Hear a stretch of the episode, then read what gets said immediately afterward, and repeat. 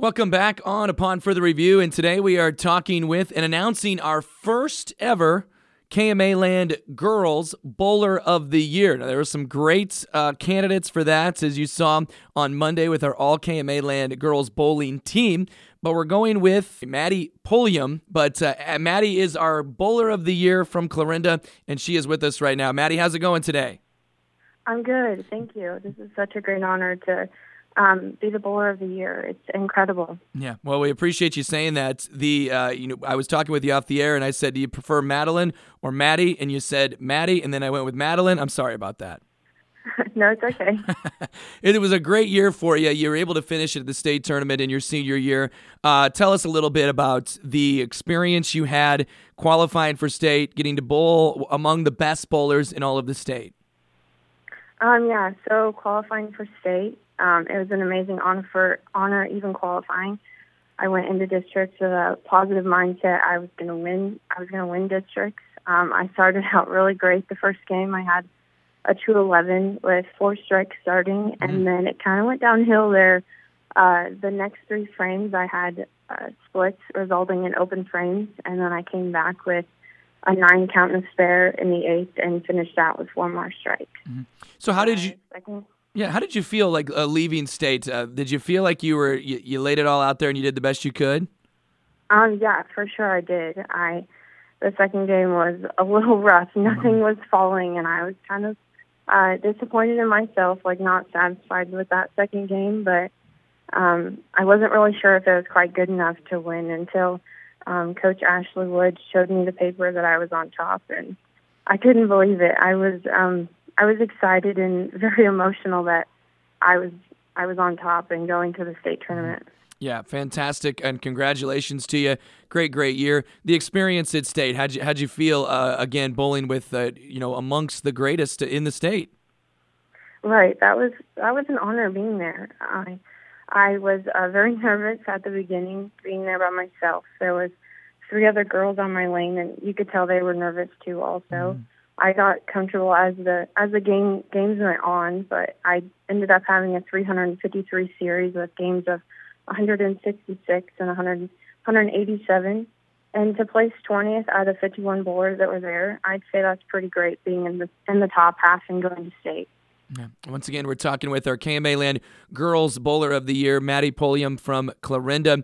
Senior season, she ranked second among KMA Land bowlers with 177.05 average game score and a 354.09 average series score. Uh, of course, the the big moment there, advancing to state, is a major highlight. Any other highlights for you that spring to mind when you look back on your season? Um, no, just coming coming back and not bowling from last year mm-hmm. is incredible. I put my mind to it that I was gonna that I was gonna come back and be the greatest, the greatest that I could be. You know, not getting to bowl last year was was really upsetting for me because bowling I enjoy it so much and I've learned a ton from it. Mm-hmm. And certainly, uh, that is a big part of your story as well. So, uh, tell the listeners that maybe don't know your story about why you uh, did not and were not able to bowl your junior year. Yes, so I have endured endured more, more than most people will in their lifetime. Mm-hmm. Um, early 2019, I developed a really bad knee pain, pain that was um, that I was um, playing basketball and bowling at the time, which was my sophomore year. Mm-hmm. I finished both seasons, and on April 8th, I had a specialist do some X-rays. They found a golf ball-sized tumor in my left femur I had a biopsy done, and I was I ended up being diagnosed with osteosarcoma. Uh, on or at the end of April, I had my first round of chemotherapy at UNMC.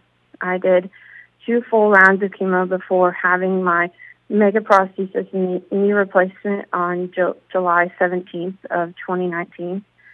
Surgery taking around eight hours, and after that, I ended up with 37 stitches down my knee. Mm. I did five more uh, months of chemo after the surgery. I was on crutches for almost a year, oh, just around a year. A few weeks after that, I started therapy twice, to, um, physical therapy twice a week in Clarinda. Finished my last round of chemo in December of 2019, resulting in 28 times being hospital- hospitalized, ranging from three to four nights three to four night stays. Mm-hmm. In March of 2020 was my first uh, three month scan and no reoccurrence. At that time, I was released to do to do any physical um, physical activity.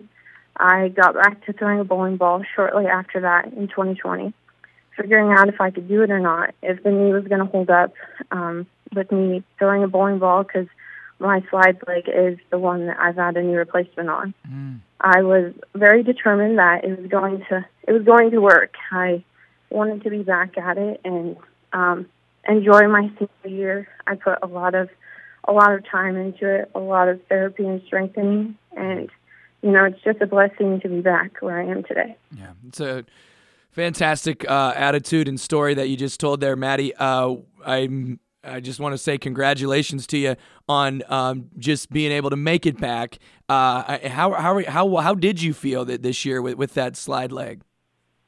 Um, it was rough at times, but you know I um, just have to consider as you know we take one day at a time, and uh, keep I keep the leg um, going. I um, I take I take care of it just like um, if it does hurt, you know I just keep I keep pushing through because you know it's it's not going to stop me. Um, you know, chemo and stuff. I had a bad attitude going into it, but you know, you have to have a good attitude if anything's going to work, and it wasn't.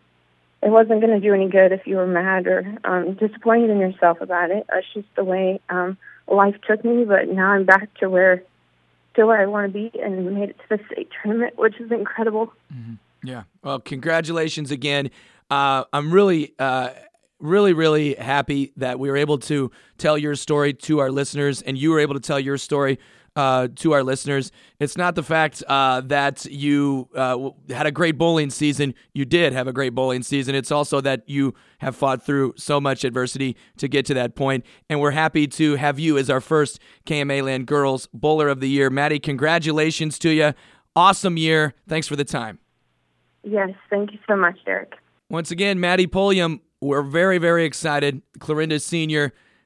earns this honor, no doubt about it. Great year for her, fantastic year for her, and we're really, really happy to have her on the air with us today, our KMA Land Girls Bowler of the Year.